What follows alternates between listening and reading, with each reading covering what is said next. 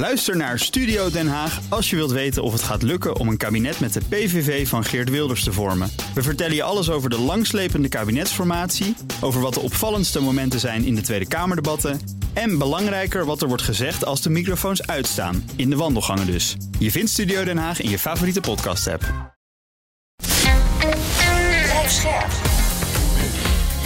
BNR Nieuwsradio. Boekenstein en de Wijk. Hugo Reitsma. Welkom bij Boekenstein en de Wijk. Het is woensdag, dag 413 van de oorlog in Oekraïne. En we hebben afgesproken, we beginnen op de grond met Rob. ja, zeker. Ja, nee, even een hele korte update. Hè. Er gebeurt niet zoveel, maar toch even hm. voor het beeld denk ik wel uh, dat het goed is om er even heel snel doorheen te gaan. Bakmoed, hè, dat is toch het uh, oriëntatiepunt uh, voor heel veel mensen. Hm. Uh, hele beperkte vorderingen. Het gaat wel door, uh, vorderingen van de Russen. Het gaat wel door. Prigozhin, de man van de Wagnergroep, die zegt 80% is ingenomen. Uh, dat klopt niet helemaal, denk ik. maar je moet zo langzamerhand wel met een lineaal erbij zitten hoor, op de kaart. Om hm. te kijken van hoe het zit. Want er worden gewoon wel vorderingen gemaakt. En wat je ook ziet is dat de aanvoerlijnen van Oekraïne steeds harder onder vuur komen te liggen. Dus ja, op een gegeven moment moet Oekraïne zich daaruit terugtrekken. Ik vind het al ongelooflijk hoe, hoe ze dat doen en hoe ze dus uh, in staat zijn om dat toch maar te vertragen en heel veel uh, Russen te doden. Hm. Ga je iets uh, verder naar het zuidelijk, zuidelijker, dan kom je bij Avdika uit en Donetsk stad. Aanvallen die worden daar afgeslagen, maar de druk wordt wel opgevoerd. Ga je verder naar het zuiden, dan kom je bij Zaporizhia uit en nog zuidelijker bij Gerson. Uh, en dan, daar zien we dat de Russen continu bezig zijn met de opbouw van nieuwe fortificaties en hun troepen daar samentrekken. Dus kennelijk wordt daar ook een Oekraïns offensief verwacht. Ja. nog verder naar het zuiden, eigenlijk de Krim. Dan zie je dat daar ook nieuwe versterkingen worden gebouwd. bij Aksionov, en dat mhm. ligt echt een stukje boven, ja, eigenlijk bijna, uh, uh, dat ligt in dat, dat gebied waar de, de Krim, zeg maar, aan het vasteland vast uh, komt. Hè? Want de Krim is een, is een, een soort schiereiland.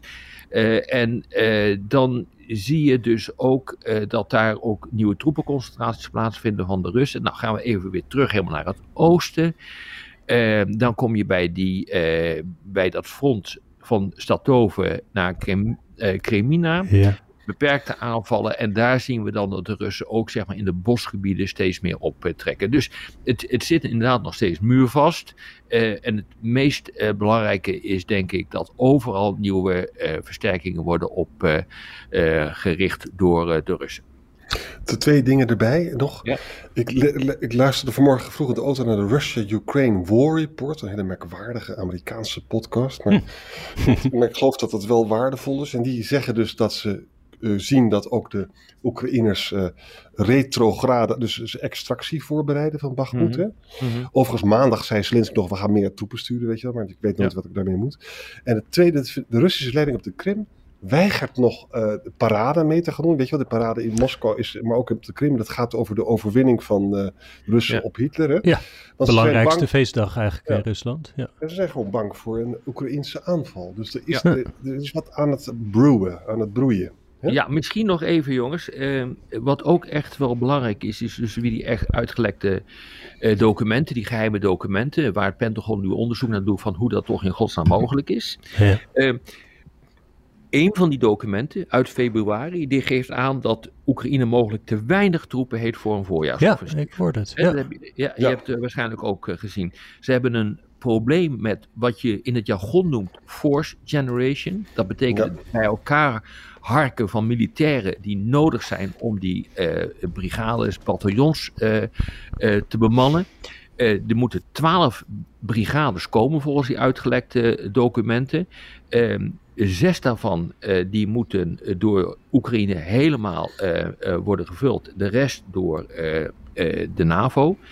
Eh, uh, door de NAVO-landen. Nee, sorry, drie zijn het die door Oekraïne zelf eh, moeten worden gevuld. Eh, getraind, dat bedoel je dan, of wat? Nee, helemaal, helemaal zelf gevuld, ook met, ehm, met, met materieel. De oh rest van die twaalf uh, moet worden gevuld met materieel dat wordt aangeleverd uit de NAVO-landen. En dat hm. gaat er om nogal wat materieel hoor, want er moeten dus in die twaalf brigades 500. 200 53 eh, tanks komen en 1500 gevechtsvoertuigen. Eh, eh, dat is dus echt heel erg veel. Ehm, dat lukt niet goed. In die tijd was het merendeel totaal niet gevuld. Zes waren deels gevuld en de rest nog niet. Dus dat Hm. is echt wel een probleem. En eh, daar gaat veel tijd overheen om dat voor elkaar te krijgen. Dus eh, de conclusie was van de Amerikanen in die documenten: het zou wel eens een keer heel penibel kunnen worden. Ja, en die documenten zijn dan twee maanden oud. Maar zoals je zegt, Rob, dit soort dingen kost, eh, kost, Kost ook maanden. Dus dat Kost zou best nog steeds geldig kunnen zijn. Kost inderdaad veel tijd. En dat is, nou ja, la- laten er nu tien deels gevuld zijn. Maar Mhm. Eh, die documenten die zijn ja, inderdaad twee maanden oud. Dan moeten we misschien hopen dat eh Ryabkov gelijk heeft, de Russische onderminister van Defensie. Die zei vandaag tegen Russische media dat hij er rekening mee hield dat dit lek een eh, fake was. Dat het expres was gedaan om de, de Russen op het verkeerde been te zetten. Ja, ik vind het ook heel merkwaardig als je dus gewoon eh, kijkt hoe, eh, die, eh, eh, hoe dat in elkaar steekt. En eh, hoe dus op een of andere manier die, eh, eh, ja, die, die- dat, dat lek tot stand is gekomen via een game site. Ja. Ja, het is, het is wel merkwaardig wat daar gebeurd is hoor. Ja.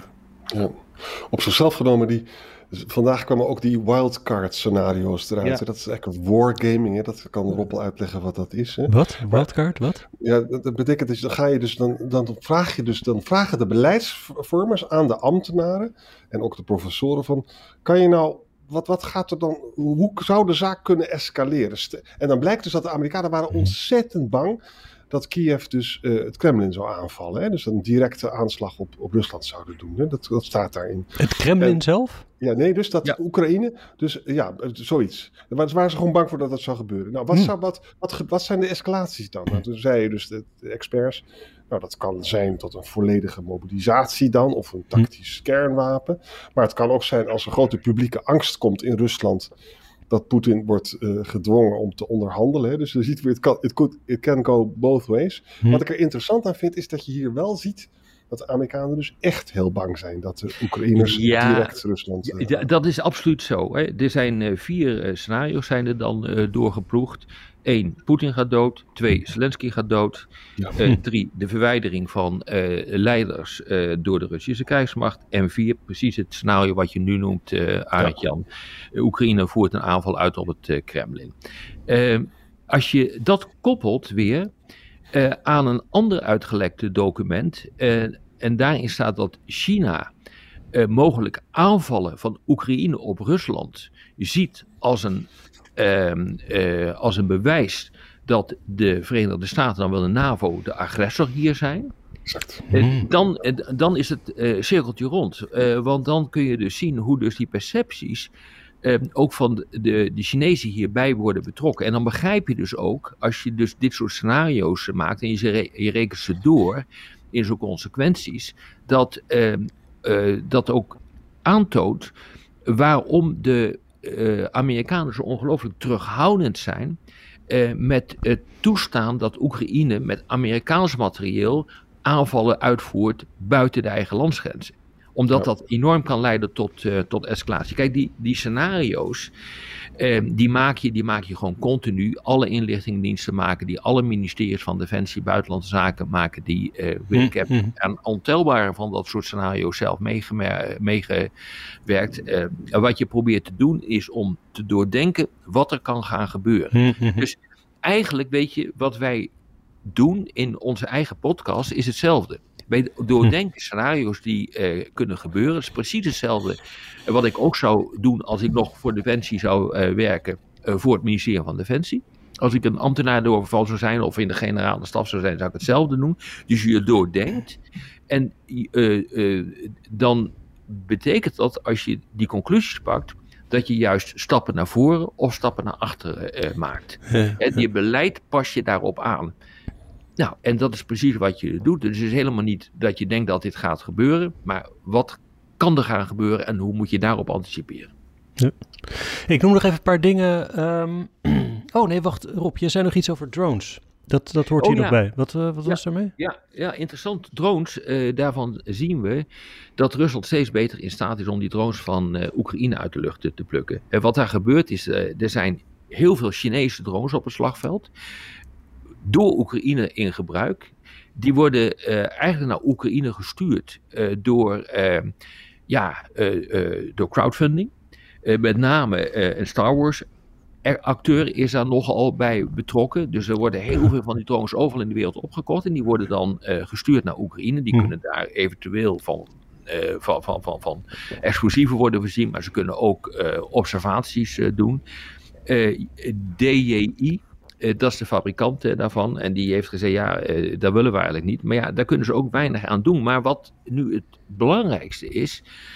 eh, is dat die Russen steeds beter in staat is om door middel van elektronische oorlogvoering, jamming, Ja. eh, die, eh, die drones eigenlijk onschadelijk te maken. En dat begint nu echt wel een grote zorg te worden. Zeker als die drones in de toekomst minder goed eh, beschikbaar eh, worden. Dus er wordt nu gekeken eh, door Oekraïne. Kunnen we ook andere drones inzetten? Maar die drones zijn allemaal veel duurder. En daar zit een geweldig probleem in. Even puntsgewijs, we hebben ik wil nog even noemen, dus, vandaag veel ophef over een video die op sociale media is opgedoken, waarin het lijkt dat een Russische militair een Oekraïense krijgsgevangene onthoofd. De VN, EU, eh, regeringsleiders hebben erop gereageerd, zelfs het Kremlin en zelfs de Wagnergroep noemen het vreselijke beelden. Eh, maar die twijfelen dan natuurlijk aan de authenticiteit. Gisteren, denk ik nog belangrijk te noemen, is dat ehm, Rusland een nieuwe wet heeft goedgekeurd die het mogelijk gemaakt dat dienstplichtigen ook online worden opgeroepen. Tot nu toe moet het dan een brief zijn die wordt overhandigd, waardoor dus veel Russische mannen in het Dacia gaan zitten of in het buitenland om daaraan te ontkomen. Ik noem het even puntsgewijs, omdat we hadden besloten vandaag het niet al te lang te maken. En we moeten nog door naar Macron, want Ja. die heeft weer eens wat eh, getetterd.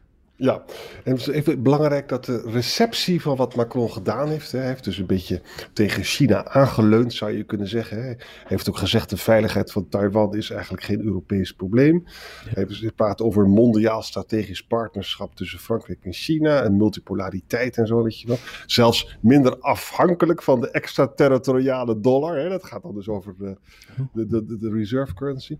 Nou, er zijn denk ik vier grote argumenten tegen Macron, de kritiek die hij nu krijgt, en dat is wel hard hoor. Eerste is, ja luister eens, de EU is zelf ook afhankelijk van die chips in Taiwan. Hè? Het tweede is, wat is eigenlijk het verschil tussen de democratie in Oekraïne en met die in Taiwan? En de derde is van, ja luister eens, Amerika doet Oekraïne, met het, met die hebben de grote krijgsmacht. Dus, wat, dus wat, wat zit je nou eh, kritiek te hebben op de Amerikanen? Je bent afhankelijk van ze. En het laatste punt is, ja, hij heeft niks bereikt. Xi gaat natuurlijk helemaal geen druk uitoefenen op Rusland of op Poetin. Dus het moet, wel zeggen dat de, de interne problemen van Macron zijn nu wel vergroot door de grote kritiek van de Amerikanen, maar ook de Oost-Europeanen, op Macrons alleingang ten aanzien van eh, Ja. China. Ja, ja, want Ja, hij heeft dus concreet gezegd van Europa moet zich niet laten meeslepen in een Amerikaanse eh, strijd tegen China om Taiwan. Dat is niet ons probleem. Zo, zo Ja, en? Rubio, de senator uit eh, Florida, de Republikein, eh, die zegt: Nou ja, weet je, als dat zo is, eh, dan moet je maar eh, eh, het zelf opknappen met de Oekraïne Ja. in Europa. Ja, hè? ja. Ik was gisteren bij, dat, eh, eh, bij die lezing van Macron. Ja. eh, die trouwens eindeloos eh, werd uitgesteld omdat hij kennelijk andere dingen eh, te doen hadden die veel belangrijker is. Nou, dat kan ik natuurlijk wel voorstellen. Maar hij liet ons werkelijk meer dan een uur zitten. En toen eh, behaagde eh, de, de president ons toe te spreken. Maar ja, eigenlijk weet je, hij is natuurlijk toch een man. Dat bleek ook van, van grote gebaren, grote concepten. Ehm, er moet eh, inderdaad eh, komen een, eh, een mondiaal strategisch partnerschap. En de, de wijze waarop Europa ook moet gaan functioneren in de toekomst.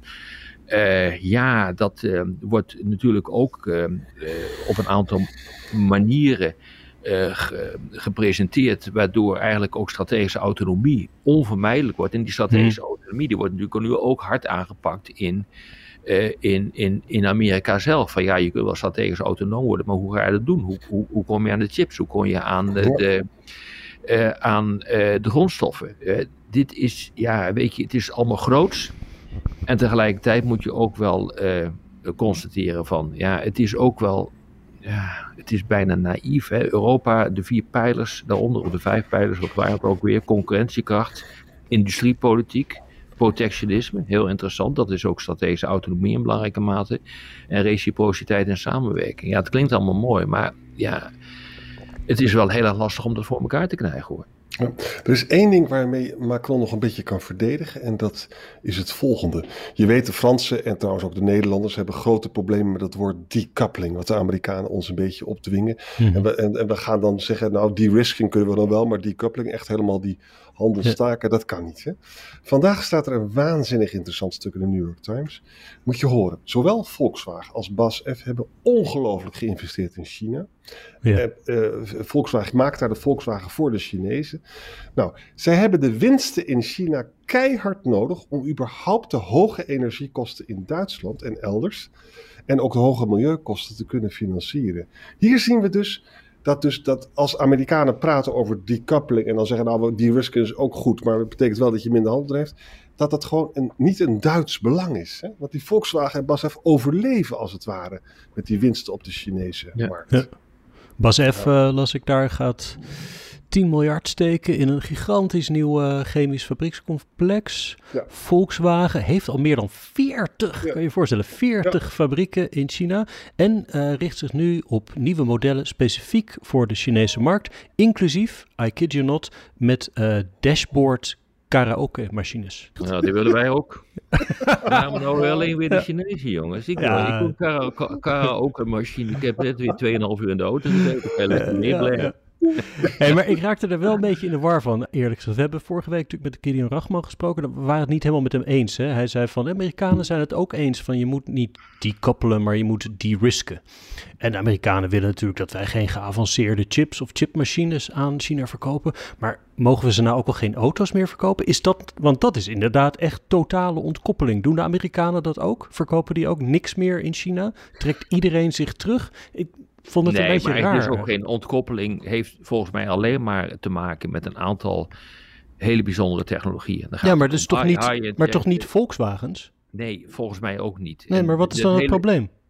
Het, het, enige probleem is, uh, en zo zien de Chinezen dat ook, als je geen Amerikaanse tooling meer kunt uh, gebruiken uh, voor het fabriceren van high-end chips in andere landen en die om met als enige doel het verbod die te exporteren naar China, dat is ook een vorm van die koppeling. Dus het is meer die koppeling van uh, bepaalde markten en met name de high-tech markten, om ervoor te zorgen dat die ontwikkeling van China, die opkomst van China, geremd wordt. Dat is volgens mij het enige, want veel meer kan het niet zijn. Ja, en, het, en, en, je hebt een heel goed punt, Hugo. Want het is namelijk ook zo dat Amerikaanse chipmakers. Nou, Amerika maakt ook nog uh, niet zulke hele snelle chips. Maar die verkopen ze zelf wel in China. Hè? Uh, en, die, en, die, en die kunnen ook voor de defensieindustrie wel gewoon gebruikt worden. Dus het is, ja. het is heel ingewikkeld in elkaar. Het gaat dus om dat high-end. Het gaat om ASML-machines, het gaat om de TSMC-chips en zo. Ja. Het kan natuurlijk wel zijn als, ja, als de auto's allemaal nog veel knapper worden en je hebt daar veel betere chips voor nodig. Hmm, of voor die karaoke, dat daar misschien ja. hele high-end uh, chiptechnologie nee, jongens, maar dit in gaat, om, uh, dit gaat bijvoorbeeld om uh, toepassing voor kunstmatige intelligentie, dat soort dingen. Hè? Dus ja. dit is echt het hart van de nieuwe industriële revolutie. Dat gaat om kunstmatige intelligentie, robotisering, mobiel internet. Ga zo maar door, supersnel mobiel internet, quantumcomputers. Daar gaat het om. dat wil je proberen te vertragen. Uh, want degene, en dat is ook een soort mantra van mij zo langzamerhand, degene die een industriële revolutie uh, wint, en dat is het, dit is de datarevolutie, die bepaalt ook gewoon de regels van het mondiale spel. En dat wil Amerika voorkomen. Ja. En het is natuurlijk zo artificial intelligence, dat gaat natuurlijk ook steeds meer in auto's zitten en zo, denk ik. Hè? Dus de Duitsers zijn daar niet gerust op, natuurlijk, wat er hm. gebeurt. Hm. Maar ik zie je punt hoor, Hugo. Je hebt gelijk. Van, uh, met die, de, de VW en BASF zitten nog niet in de gevarenzone, zou je zeggen. Toch? Nou ja, volgens dat New York Times artikel wel. Daar is dat van, nou ja, de Duitsers ja. begrijpen natuurlijk wel dat dit helemaal niet de bedoeling is. Nou, ja, hoezo niet? niet anders. Ja. Maar dit is maar, echt een groot probleem tussen Europa en Amerika hoor. Ja. Ja. ja. Oké. Okay. Binnen de 20 minuten, jongens, dit keer. Ongelooflijk. Heel knap. Uh, Echt, Dank. Tot morgen. Tot morgen. Tot morgen. Bij BNR ben je altijd als eerste op de hoogte van het laatste nieuws. Luister dagelijks live via internet. Bas van Werven. En heel langzaam komt de zon op rond dit tijdstip. Je krijgt inzicht in de dag die komt op BNR, het Binnenhof in Nederland en de rest van de wereld. De Ochtendspits. Voor de beste start van je werkdag. Blijf scherp en mis niets.